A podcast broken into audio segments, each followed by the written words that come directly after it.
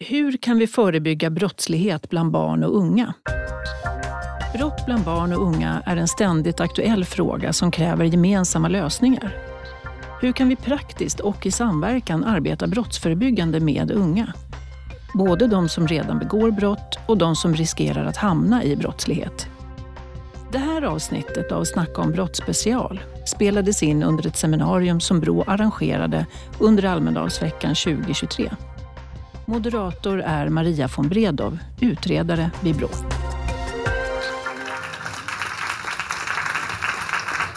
Hjärtligt välkomna allihopa till det här seminariet om hur kan vi förebygga så att barn och unga inte dras in i kriminalitet.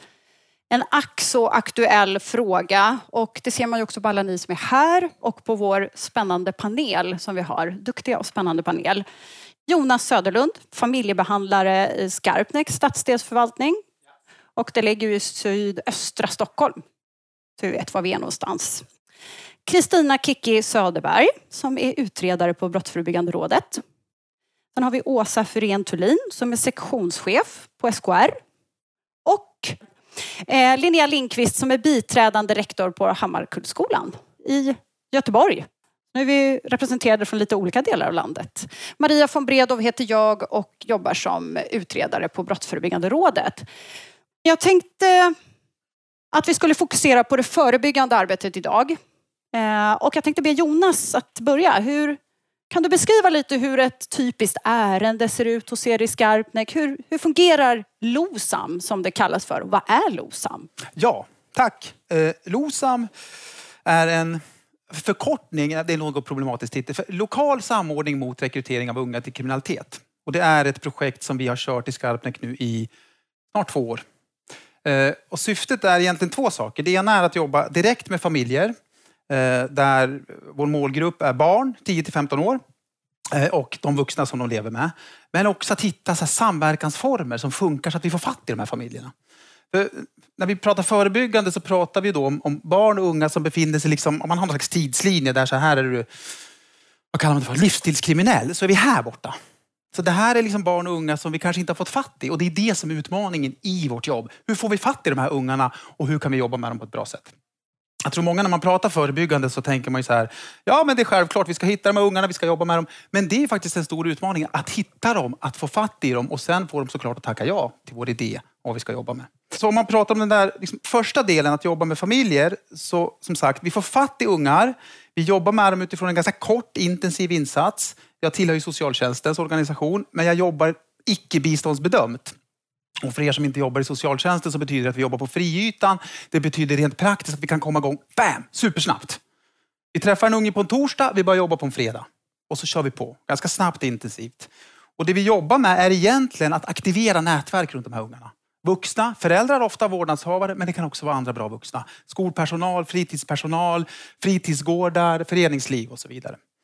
Eh, det bygger ju på frivillighet. Så det bygger på att när vi träffar dem måste vi jobba supermycket med bemötande. Förebyggande arbete för mig är så mycket bemötande.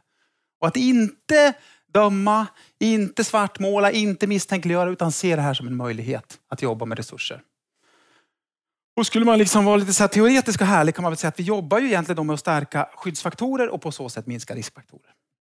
Men tillbaks till det andra då. Samverkan. Det var ju en svår utmaning i vår lilla stadsdel. Skarpnäck är, som du sa, eh, sydvästra Stockholm. Äh, sydöstra, sydöstra Stockholm. då måste Precis. Jag är dålig på kartan, ja. förlåt.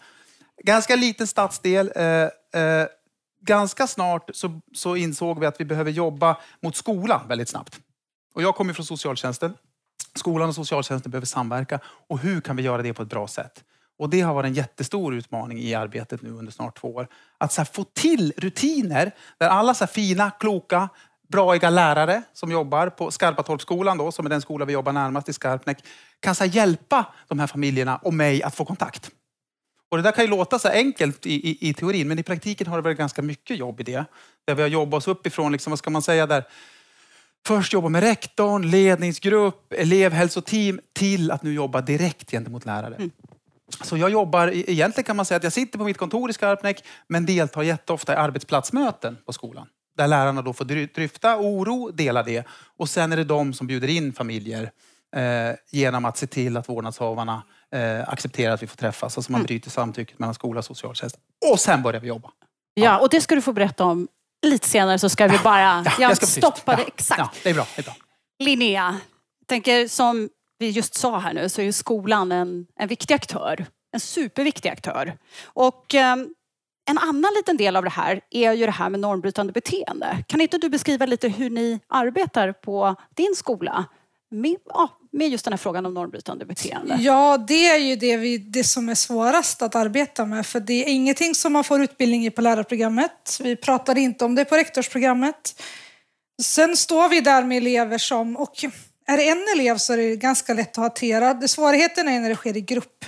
När elever bara bestämmer sig för att vända sig mot lärare, mot personal. Um, när det liksom är liksom en avstängning, nu stänger vi inte så ofta av på lågstadiet, men jag har ju en mellanhögstadieskola eh, nära. Då blir det en, en välkommen ledighet. Eh, man får kanske en skriftlig varning. Den åker i papperskorgen på vägen ut från rektorsexpeditionen. Och då är det väldigt svårt för oss att veta hur vi ska nå fram. För ofta då har ju föräldrarna också kört fast, givetvis. Eh, ofta är det här normbrytande beteendet även hemma. Så det är ju jättesvårt. Vi försöker ju liksom redan när de är små, då, jag har ju en efter tre-skola mellan 6 och 9 år, att liksom vid minsta lilla tecken försöker vi agera på det.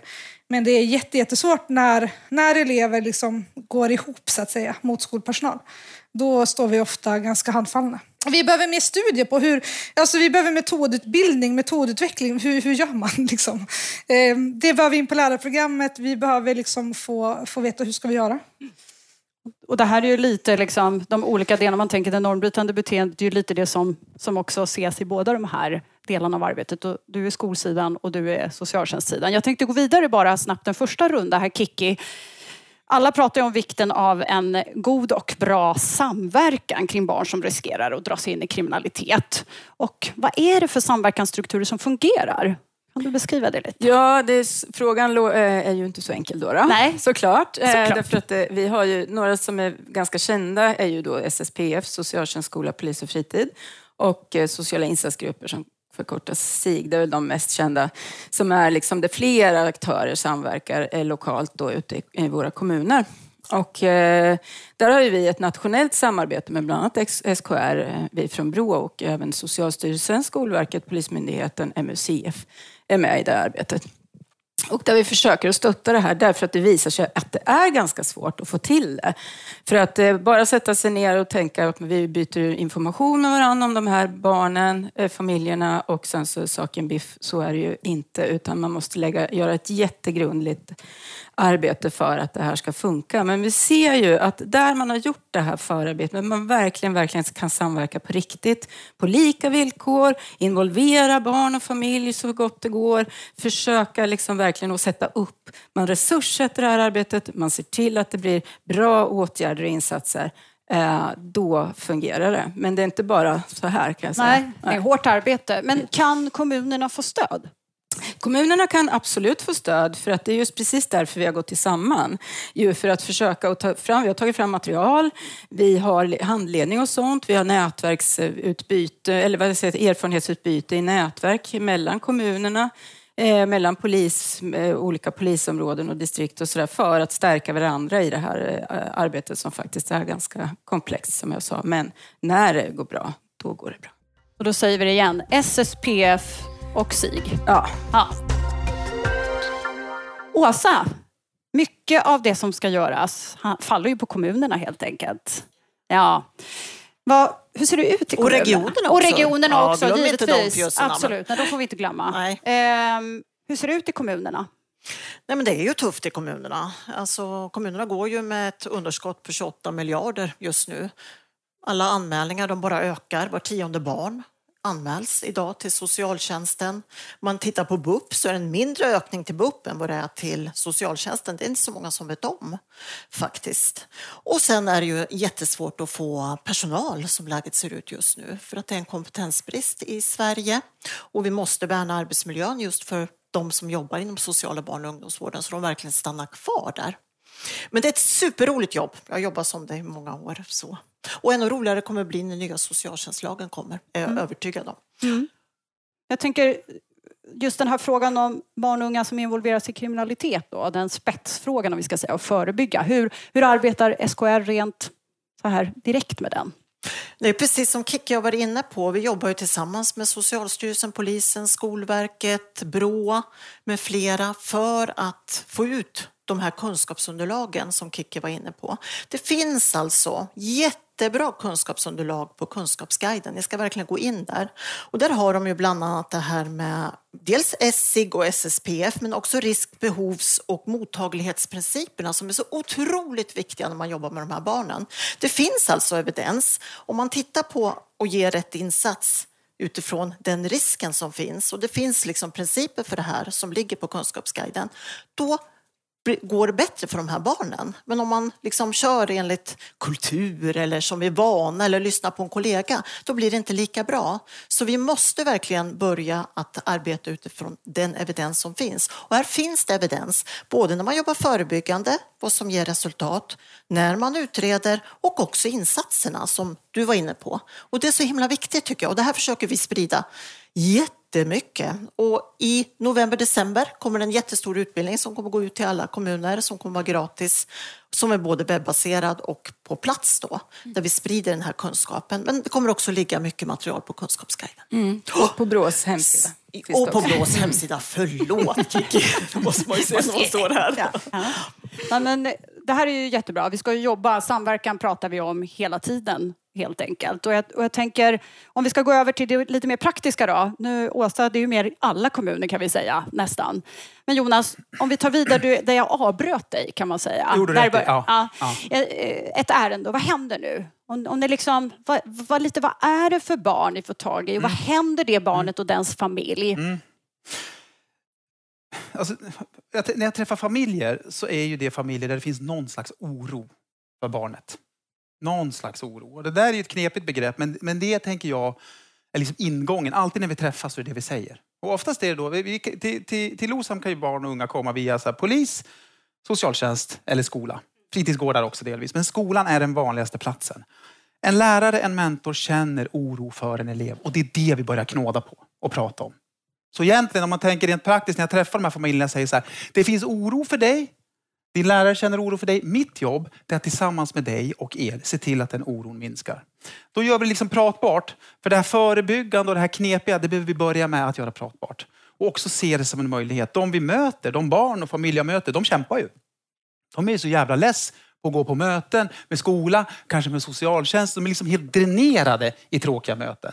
Så samverkan för oss i LOSAM, det, det börjar ju där med familjerna. Samverkan gör vi tillsammans med familjen. Vi säger till och med det, även om det är ett ord som kanske inte alla är så superbekväma med eller bekant med. Knappt jag själv ibland ska jag säga. Men att hitta ett sätt att samarbeta så att den här oron kan minska, det är det vi gör. Oron kan ju komma från beteende, sätt att vara. Det kan vara fel. Det kan komma från diskrimineringsgrunder. Jag är orolig för dig, men det behöver man kanske inte vara. Skit samma. vi jobbar för att minska den. Det är det viktigaste. Liksom. Eh, och Nej, men det har varit jätteutmanande, men vi är på gång tycker jag, att få fram en gemensam målgruppsdefinition. Alltså de här ungarna som vi oroas för, vilka är det? Hur beter de sig? Vad gör de och vart befinner de sig? Så det lägger vi supermycket krut på tillsammans med polis, skola och socialtjänst. Och då får de träffa dig på fredagen då? Det får de. Oron kommer ja. på torsdagen ja. och du träffar dem, eller åtminstone du bestämmer tid kanske för ett Precis. möte på fredagen. Precis. Hur många träffar pratar vi om? Vi pratar, det är en ganska kort och intensiv insats. Eh, det finns väl någon gammal idé att om det är över fem träffar då är det behandling heter. Så det måste vi ju hålla oss inom ramen för.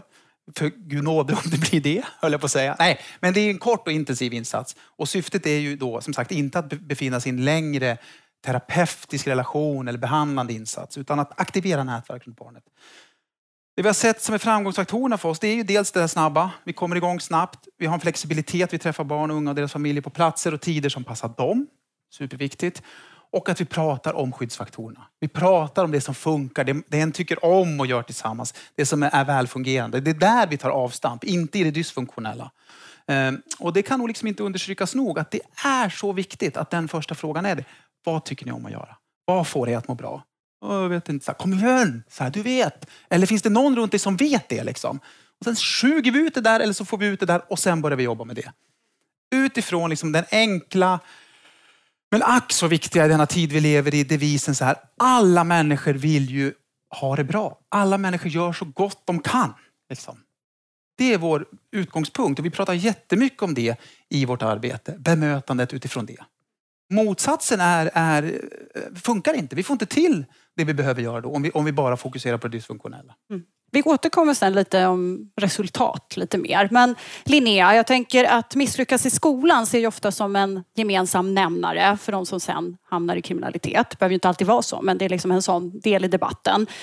På din skola så har jag förstått att ni har fokus på ökad regelefterlevnad lite som. Ni har något speciellt ord för det där. Det är något system som du ska få berätta Ja, vi lite om. jobbar med Pax. Ja. ja, precis. Nej, men sen jobbar vi också med, liksom, ja, med konsekvenstrappa, orossamtal med föräldrar när elever inte följer reglerna. Vi kommer även börja inbjuda föräldrarna att införa konsekvenstrappa hemma för att, elever, för att föräldrarna ska få verktyg att hålla gränserna. Många, många föräldrar säger det att det, jag, kan, jag kan tycka att jag är sträng och jag kan säga nej, det här är inte acceptabelt, men det är svårt att hålla det. Så vi ska försöka hjälpa dem att liksom göra lite som vi gör i skolan, men anpassa för hemmet. Men det är jätteintressant att du pratar om regelefterlevnad. För er rapport som kom nyligen, Skolfaktorer och sannolikheten att begå våldsbrott, tar ju upp det att en av de största riskfaktorerna för att barn och unga ska begå våldsbrott är att man inte eh, följer reglerna i skolan. Regelefterlevnad är en väldigt viktig nyckel där. Att lära sig att följa alla vuxna. Eh, det betyder inte att man ska köpa allt vuxna säger, man ska ändå följa regler som vuxna sätter upp. Eh, och i den rapporten som vi borde ha ett eget seminarium om, eh, där tar man också upp det här med den, den främsta riskfaktorn för att unga ska begå våldsbrott. Det är att föräldrarna inte har eftergymnasial utbildning. Och när de, den elevgruppen klustras på samma skolor. Och det är exakt det som händer i våra förorter. Att vi har väldigt låg andel föräldrar med eftergymnasial utbildning i våra elevgrupper i de här skolorna. Så att Brå ger ju då, ni kan berätta, prata i ditt ställe här, ni ger ju rekommendationer också då att man ska reformera skolsystemet.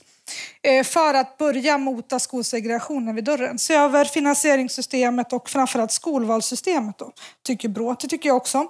Och det är ju för att skolsystemet ska få en bättre förmåga att kompensera för det faktor som är att föräldrarna inte har lång utbildning. Det måste vi hitta ett sätt att, att kompensera för. Och hur kan vi då jobba med elevernas regelefterlevnad och liksom skolnormer? Eh, på ett, eh, på ett klokt sätt.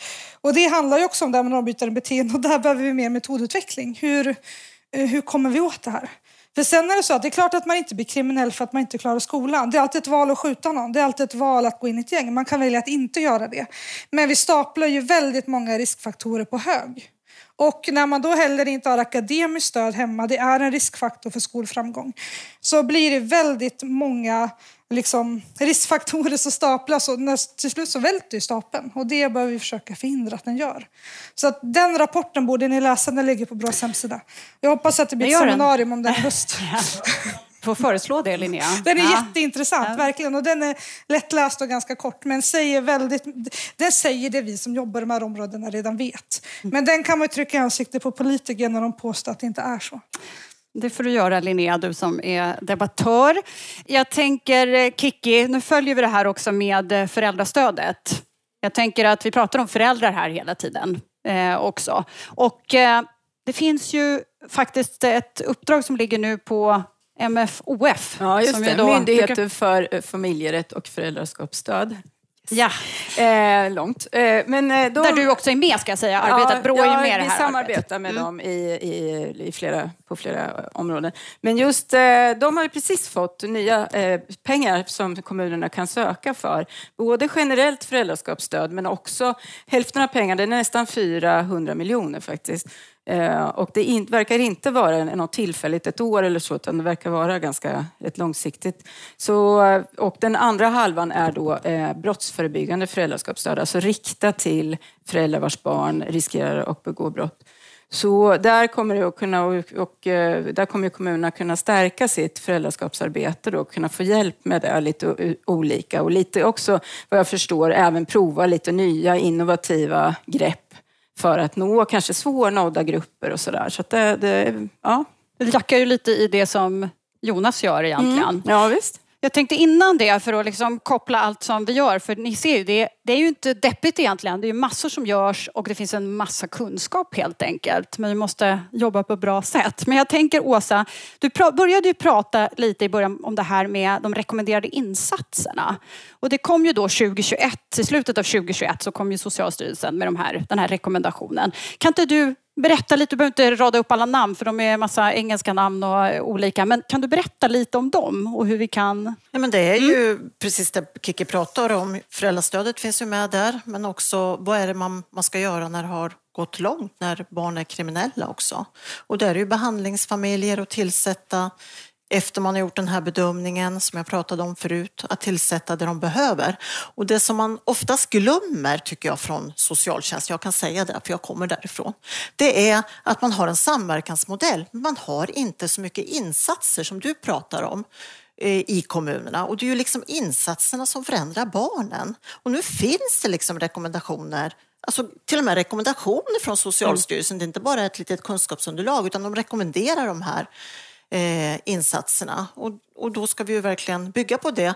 Och då kan man ju börja fundera så här, ja det är jättesvårt för de är tagna från USA, Norge och gud vet vad. Men det finns komponenter i det här och det kan alla kommuner plocka fram och titta, vad är det för komponenter? Och det är ju få en meningsfull fritid, göra det man tycker om att göra, ha en god hälsa, klara skolan precis som du säger och sen också kognitiv förändringsarbete. Och får man med regionen så kan man ju verkligen göra alla de här sakerna. Sen kan man ju också avtalssamverka mellan kommuner. Jag tror inte ni vet det alla. Men det finns faktiskt så att man kan faktiskt bestämma sig att nu grannkommunen, de har de här metoderna, vi har de här metoderna, så går man ihop. Och mycket av det kan man göra digitalt också. Så att man måste vara smart och se till att man använder rätta metoderna. Och det finns i det här kunskapsunderlaget mm. eller rekommendationen. Och de Ska jag säga mer, tycker du om det eller? Ja, det beror på om det är något Nej. jätte... Jag, jag, tänker att de här rekommendationerna, de finns ju också såklart på att tillgå digitalt. Men jag undrar lite följdfråga där, så tänker jag så här, hur, hur pass tillgängliga är de då ute i kommunerna? För det här är ju en, en svår fråga. De är ju väldigt bra och eh, evidensbaserade metoder. Ja, eller insatser. Och då är det, då är det liksom... Nej, men det är så, vissa har licens på de här. Det är ja. därför jag säger titta på komponenterna. Vad är det för mm. olika delar som ingår i det här? Och om ni inte har licens så använd er av komponenterna och skapa liksom resurser runt det. För det är inte mm. rock science, det Nej. är liksom enkelt och det är evidens på. Så att, och där är SKR med i det arbetet och Absolut. stöttar kommunerna i det här. Ja, och vi har ju ett partnerskap som det så fint heter med Socialstyrelsen och för ut det här. Och det är 80 kommuner nu som är med för att jobba igenom det här och få ut det här i kommunerna. Så vill man ansluta, vill man vara med, hör av er bara helt enkelt. Mm. Jättebra, bra pitch. Jonas, nu kommer vi fram till eh, resultaten. Hur har det hur har det blivit nu efter de här två åren? Kan, kan ni se någonting, några framgångsfaktorer med LOSAM då? Alltså det vore karskt att säga att vi, liksom, alltså att, att, vi, att vi kan se resultatet nu, för det vet ju, ja, det vet ju ni ännu bättre än jag som forskar på det. Alltså det tar ju tid att se. Men det vi ser, det är att vi har, sen vi började i augusti 2021, nått snart nästan 80 familjer som jag jobbar med. Vilket är rätt många. Nästan ingen har tackat nej till insatsen. Och det tycker vi är framgångsrikt. Sen behöver man ju såklart, om man ska prata framgång, behöver man ju se det längre fram också. Såklart. Men vi, vi märker att det finns en, en, eh, ett engagemang i frågan. Vi har också fått till en samverkan som vi tycker funkar. Bara att ha så här samverkansmöten där folk är så glada och peppiga. Ja. Eller att ha så här typ insatsmöten med familjer där folk är glada och peppiga. Det tycker jag då är min liksom högst subjektiva kvalitativa måttstock är kanonbra. Att vi känner att vi är på gång framåt. Liksom. Och att det lokala sociala arbetet kan få liksom blomma och vara en del av samhället. För jag tänker att vi börjar bli uppgivna när vi börjar prata straff. Och när vi ska ha poliser och visitationszoner. Och nog må det behövas ibland. Jag ska inte säga att det inte behövs. Men uppgivenheten från oss socialarbetare måste brytas. Liksom. Det är skitkul att jobba med det här. Och det lokala sociala arbetet är en kraft att räkna med. Jag har den stora turen att bo tio meter från mitt kontor i Skarpnäck. Så jag träffar de här stökpellarna och pelleninerna varje dag. Och det är också fantastiskt att få jobba på det sättet. Eh, och det är en framgång tycker jag, att vi får ta plats i lokalsamhället och jobba på det sättet. Men vi ska också vara ödmjuka och se att såklart vi måste titta på vad, vad, vad gör det här? Finns det någon evidens i det vi gör? Och, och så. Lite kopplar det till Åsa, det Åsa säger. Ja. Mm. Precis. precis. precis. Mm. För jag Får jag komma in Ja, där? absolut, absolut. Jag tror att det är väldigt viktigt att man följer upp det man gör inom socialtjänsten. Vi kan inte hålla på liksom och gissa oss till saker och ting längre. Och det kommer ju komma i nya socialtjänstlagen, socialdataregister, när vi verkligen får den här evidensen mer på plats och ser hur det går i olika verksamhetsområden. Men fram till dess, då behöver ni följa upp och era politiker behöver följa upp och ni behöver följa upp på få saker. Och är man i ett utsatt område eller där det är mycket kriminalitet, så följ upp på den frågan för jösse namn om det ger resultat. Det är inte svårt alltså. Följ upp på få mål och se om det ger resultat. Och använd den evidens som finns. Det blir ju också billigt och effektivt och det kan man också motivera tycker jag för politiker. Det här är evidens på, det här måste vi ha. Men sen en sak till som jag tycker du bara brinner för, det är just det här att komma in tidigt. Att stoppa kranen som den här polisen sa i Agenda eller vart tusan det var han sa det. Jag tycker det är så viktigt att hitta de där ungarna jättetidigt. Jag har varit i Köpenhamn flera gånger. De jobbar ju, de går ut tillsammans med polisen, letar upp de här ungarna, pratar med föräldrarna där de har mer sanktionsmöjligheter i och för sig så de kan tvinga sig till saker och ting. Men man kan motivera föräldrar att börja jobba med deras barn när de är sju, åtta år. För det är där vi behöver komma in om vi ska bryta den här trenden. Vi kan inte bryta den när de är 14. Då är det gått alldeles för långt. Får jag Men så får fortsätta? vi inte glömma att kriminaliteten i sig minskar ju, men det, alltså ungdomskriminaliteten, det är ju absolut. den grova brottsligheten som verkligen Absolut. skjuter i höjden. Ja, och det är ju absolut en viktig faktafråga Ja. i det här. Men jag tänkte fortsätta på den här peppiga stämningen då som jag tänker att ni alla också vill ta den härifrån. Ni vill inte gå härifrån och säga att det finns ingenting att göra. Och det hör ju ni. Nu hoppas jag att ni alla har skrivit upp allting här. Jag tänker Linnea, det finns ju på din skola så har jag läst mig till att du både har lovskola för lågstadiet med simundervisning eh, som siktar lite på svenska betygen men även på, eller betyg vid den åldern behöver man inte, men svenska, ja bedömningen heter det väl i den åldern. Men att du också har en eh, ett bemannat skolbibliotek. Visst är det så? Om Man Precis. tänker som tidiga förebyggande insatser. Nej, men för på min skola så har jag inte alls många elever som har svenska som modersmål. Jag hade inte ens en handfull. Eh, och det gör att vi har ju väldigt stora utmaningar med språket. Och det, den timplansbundna undervisningen räcker ju inte om eleverna ska lära sig det de ska. För på lågstadiet går de ju ja, mellan 15 och 17 timmar i veckan. Eh, så att vi har lovskola, 200, då får de 200 timmar extra undervisning i svenska varje år. Och i kombination med det har vi även simskolor som lär sig läsa och de lär sig simma. Och sen har jag en utbildad bibliotekarie på heltid, trots att det bara är 200 elever. Och det är just för att komma igång med läsningen tidigt och guida eleverna in i litteraturens värld. Nu liksom in, inför loven, då går ju barnen hem med så travar med böcker, de älskar ju att läsa. Eh, och det är också en skyddsfaktor att de, att de faktiskt läser på lovet istället för om de inte går lovskola då. Så det är klart att vi behöver ju också tänka utanför boxen. Jag har ju ingen box och jag tror därför kanske som jag gör saker som ingen annan kanske har tänkt på. Eh, men det är väl det är jätteviktigt. Nej, Men lovskolan, jag vet att du har sagt i något annat sammanhang att det är bättre att sätta in lovskola nu i lågstadiet än i högstadiet när de ska ja, få upp nians betyg. För det är liksom lite som vi pratar om det här. Det är bättre att komma in när de har börjat dyka upp på brottsplatserna och tycker det är spännande.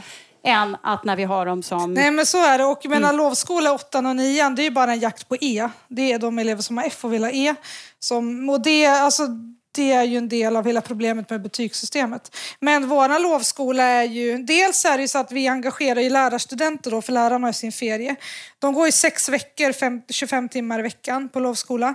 Så att, och det gör ju också att jag har ju haft inga problem att rekrytera lärare. För jag tar ju lärarstudenter från lovskolan om jag behöver rekrytera. För då kan jag besöka dem. Jag jobbar alltid på somrarna, jag är inte ledig då. Eh, och då brukar jag göra lektionsbesök. Så då får man lite provanställning under sommaren. Så jag har rekryterat fem, sex lärare från lovskolan. Eh, och de får ju världens bästa sommarjobb. Och de får, jag får ju så här sälja in förorten till så sjukt roliga skolor att jobba på. För de får ju testa vårt elevunderlag under sommaren. Och det är all, vi har inte misslyckats med någon hittills. Alla har lärt sig läsa som har gått minst fyra veckor. Och det är för att det är intensivundervisning. Det är typ två lärare på 10-12 elever som jobbar intensivt under 150 timmar under sommaren. Eh, så det är liksom, och det här kostar nästan ingenting. Det är en jättebillig insats. Det är mycket dyrare att sätta dem på hall när de är liksom, ja, 19. Ehm, så. Nej men faktiskt, det är det. Det, är alltså, det förebyggande är ju alltid billigare än det repressiva. Så är det. Absolut. Jag tänker att det förebyggande arbetet, är det vi alla på något vis uppfyller här. Och jag tänker att vi ska avsluta, för det finns säkert frågor i publiken, men vi ska gå laget runt här lite. Jonas, vill du börja och göra en slutkläm? Eller? Ja, en slutkläm. Ja, Mm. ja. Nej, men för, för mig är det, är det två saker som jag har lärt mig under den här tiden. Dels så, så, jag visste det redan innan, men jag har lärt mig det ännu mer. Ingen vill såklart bli kriminell. Vi behöver bara sätta in rätt resurser och rätt engagemang så kommer det här att bli bra. Sen har jag lärt mig också att samverkan, när jag började jobba med det, så här, det är ett sånt jävla knepigt ord alltså. Eh, och samverkan för mig, i min lilla bubbla, det är så här, det ska bara leda till att fler ungar får vår insats. Då blir den så här begriplig. Att det hela tiden finns en praktisk aspekt i samverkan. Så om vi sitter ner och pratar, massa så här professionella typer, så ska vi- vi avsluta med att säga så här, okay, vem gör vad? Vem pratar med den ungen? Vem pratar med den mamman? Vem gör det? Då funkar det. Och det, det är så här självklart. Men i början när jag satt på det här mötet tänkte jag så här, vad fan, vi pratar ju inte om det. Vi sitter och pratar om lägesrapporter och sen så känner vi oss lite nöjda med det. Men vi måste ju alltid ha en handlingsaspekt i det.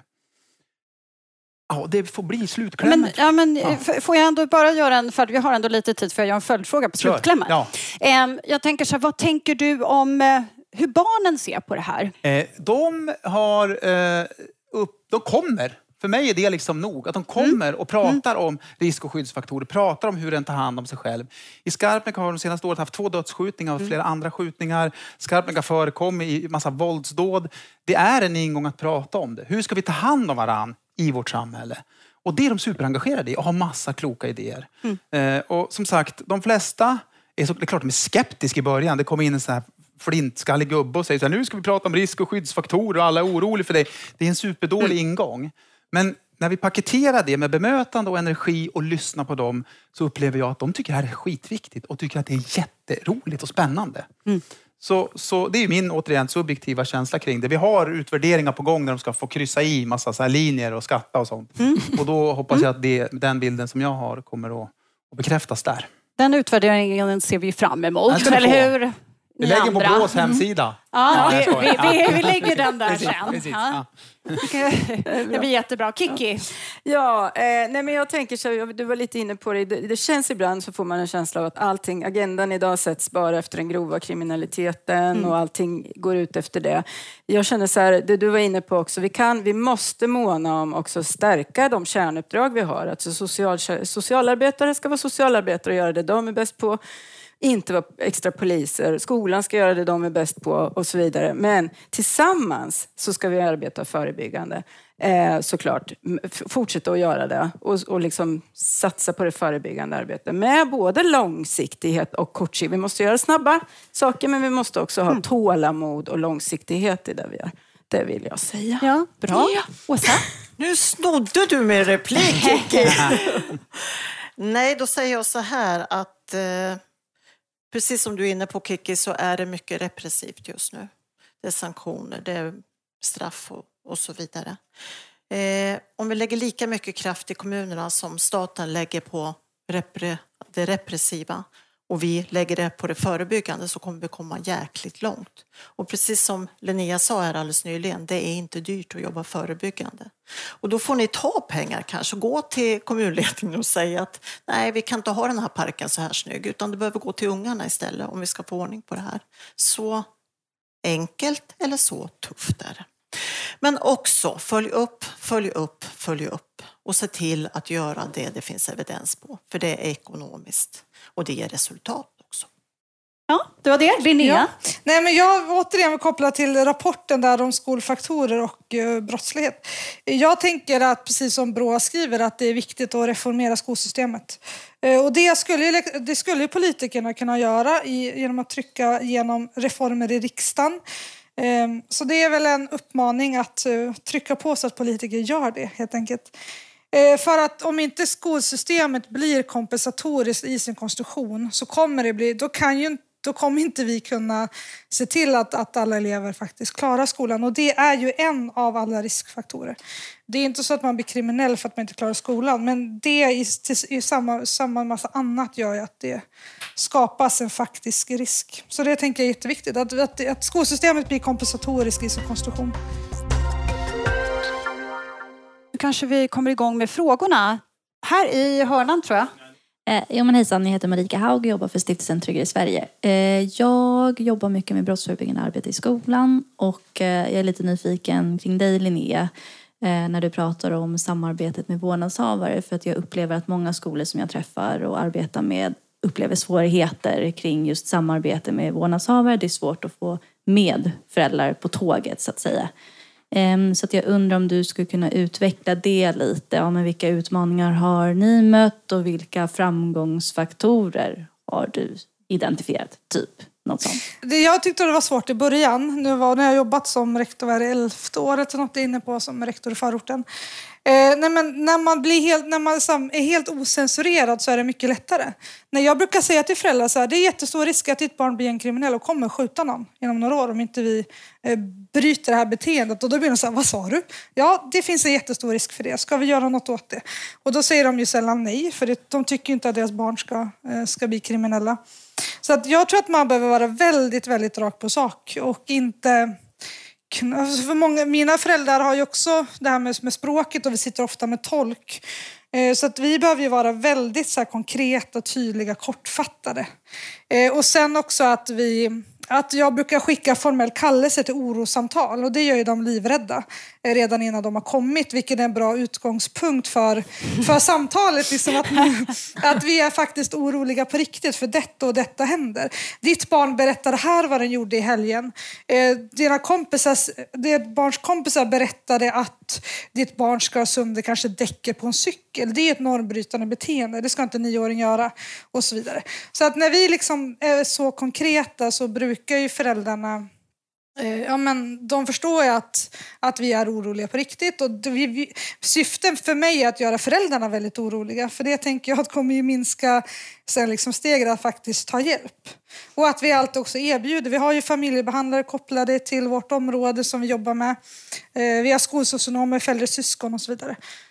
Så mm. jag upplever att det har blivit mycket bättre sen vi bara så här slutar prata runt utan bara rakt på sak, direkt. Inte prata om att allt som är bra, utan det, det kan vi ta någon annan gång.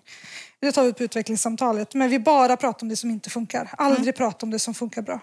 Eh, då upplever Tack. jag att det blir väldigt tydligt och konkret. Tack Linnea. Ville du komma in där? Alltså jag, jag tycker du svarar så himla bra. För det, det handla, fokus handlar då på det är vi som jobbar som behöver ta ansvaret för att det här bemötandet ska funka. Men det är lätt att vi hamnar där de är inte mottagliga, vi har svårt att kommunicera med dem. Men om vi kan hitta ett sätt som fungerar så är alla människor beredda och benägna att ta emot hjälp.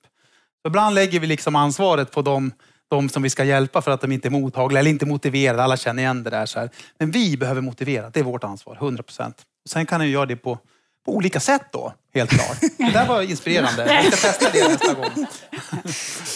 Det är bara vad jag har lärt mig by Ja, nej, men kanoner. Mm. Ja. Nej, men jag tänkte här fanns nästa fråga. Ja, men tack så jättemycket. Eh, Lars Brahn från Ramboll jobbar också just nu med, eh, som säkerhetschef i en kommun. Ett uppdrag som vi löser så att säga. Jobbar mycket med brottsförebyggande. Eh, jag tycker det är jättebra, eh, men eh, det pratas väldigt mycket om den här nya lagen, att kommuner ska jobba brottsförebyggande som att det är lösningen på allt. Och jag menar ju att de kommuner som har stora problem med det här, de jobbar väldigt, väldigt mycket idag. Gör extremt mycket. Jag tycker idag så har vi liksom pratat en hel del om hur vi kan skruva på det. Liksom, ta del av det här underlaget och så vidare.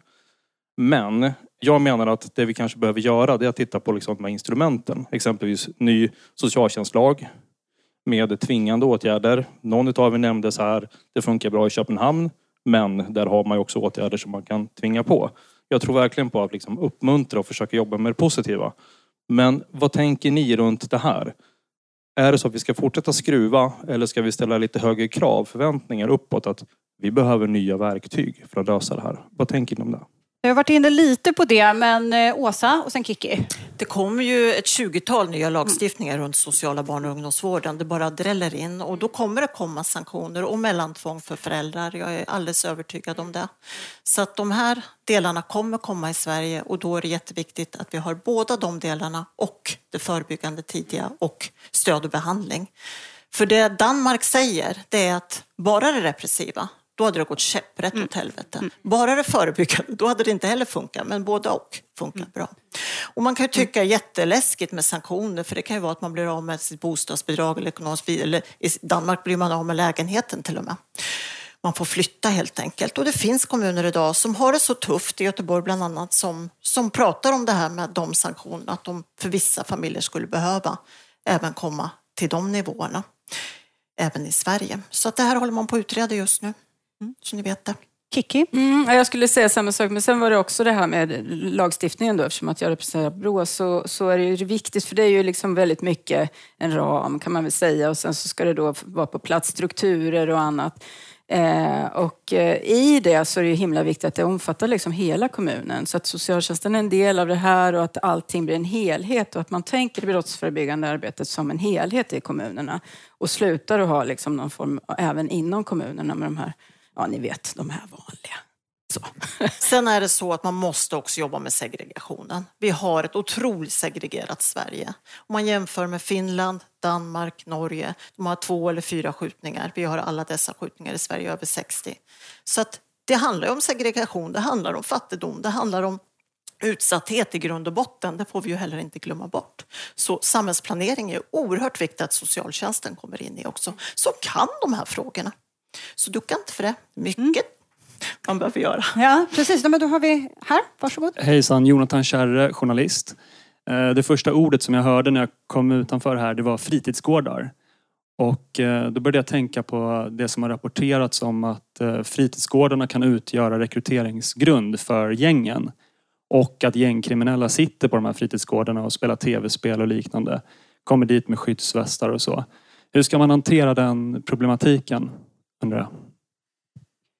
Oj, ja, det, släng ut dem därifrån. Alltså, eh, det är ett enkelt svar. Men alltså, vi har inte det problemet har jag upplevt i Skarpnäck. Men däremot finns ju den bilden. Många av de familjer jag träffar eh, har den bilden. De säger så här, mitt barn får inte gå till fritidsgården för där, och så, ja, det du mm. säger.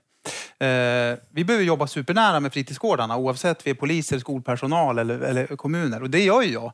Och jag upplever att så här, en, en bra, inte det du beskriver, men en bra välfungerande fritidsgård är ju en av de viktigaste friskfaktorerna, eh, skyddsfaktorerna i våra områden. Så att är det så, då måste man ju in, då, tänker jag, då är jag inne på det, då är det tvingande åtgärder. In, släng ut, bort och hitta ett sätt att, att bli av med det enkelt sätt att lösa det på, tänker jag. Mm. Och Kiki? Eh, jag vet att MUCF jobbar ju med den här frågan, eh, att stärka kvaliteten på fritidsgårdarna. För en bra fritidsgård är kanon. Eh, en dålig fritidsgård är skit. För att, och det, gäller, det handlar om vilka vuxna finns det där, vilka förebilder finns det, vilket stöd finns det för de här ungdomarna och att stärka skyddsfaktorerna och se det positiva som de är väldigt bra på många gånger på fritidsgårdarna och fånga upp och göra mer av. Så ska det gå till, inte som du beskriver. Nu Linnea får du säga något ja, snabbt. Nej, men jag tänker bara det är jätteviktigt att de som arbetar på fritidsgårdarna inte reproducerar normbrytande beteende. Att man faktiskt ger ungdomar andra perspektiv, annat sätt att prata, annat sätt att, att vara. Liksom, så att man inte bara har liksom, folk från orten som arbetar där som reproducerar samma typ av liksom, tugg. Det tror jag är jätteviktigt. Då hade vi nästa fråga. Ja, hej. Eh, mitt namn är Anna Sjöholm och jag är kriminolog på stiftelsen Tryggare Sverige. Jag har en fråga till dig Linnea. Eh, du pratade om förorter och utsatta områden. Eh, en, en omständighet som vi noterar i de utsatta områdena är en hög omflyttning av personer. Alltså att väldigt stor andel av befolkningen byts ut i området. Och jag undrar vad, hur, vilka konsekvenser ger det för era skolor i områdena? Och i så fall om ni ser konsekvenser, hur hanterar ni de konsekvenserna? Till exempel då att en elev inte har gått hela sin studietid eller bara en väldigt liten del av sin studietid i skolan. Vi har ju ungefär 40, mellan 40 och 50 procent elevomsättning så att ungefär hälften slutar och börjar. Eh, vilket är problematiskt. Det är tuffaste för lärarna. De har aldrig samma klass mer än kanske fyra till åtta veckor. Sen kommer någon ny elev och någon slutar. Ofta får vi inte veta att de slutar, de försvann. Och så så där, där behöver ju bostadsbolagen också gå in och se till att, att barnfamiljer faktiskt får förstahandskontrakt. I Göteborg har bostadsbolaget köpt upp alla lägenheter från jättemånga olika privata värdar. Så nu har, börjar det ju dämpas för att fler har förstahandskontrakt. Men det är ju en jättestor risk för elevernas skolförgång därför att vi har heller inte reglerat i Sverige när man läser vad under i grundskolan, så att säga, vilket är att elever tappar ju hela kunskapsområden. Så vi kan ju få in elever som har liksom missat fyra områden inom SO och NO. De kanske har missat hela introduktionen till multiplikation. Eh, det är jättesvårt att, att ge igen all den undervisningen för de kanske kommer från ett ställe där det är helt otakt ehm, Så där, skulle man, där man skulle behöva reglera i Sverige när man läser vad. För, för de elever som inte byter skola är det skitsamma när man läser religion, om det är oktober eller mars.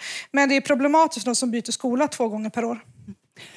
Hörni, eh, det här fick, eh, blir det lite av det sista. Vi skulle kunna prata hur länge som helst, det märks på er allihopa. Det här är ett jätteviktigt ämne. Stort tack till panelen, stort tack till publiken.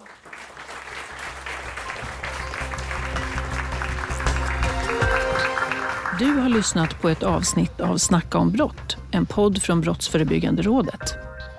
Det här avsnittet spelades in under ett seminarium i Almedalen 2023. I panelen medverkade Kristina Söderberg, utredare vid Brå, Åsa Fyrén Thulin, sektionschef Sveriges kommuner och regioner, Linnea Lindqvist, biträdande rektor vid Hammarkullsskolan samt Jonas Söderlund, familjebehandlare i Skarpnäck. Moderator var Maria von Bredow, utredare vid Brå. De rapporter och det informationsmaterial som nämnts i avsnittet hittar du på Brås webbplats bra.se. Sprid gärna podden till andra du tror kan vara intresserade. Tack för att du har lyssnat.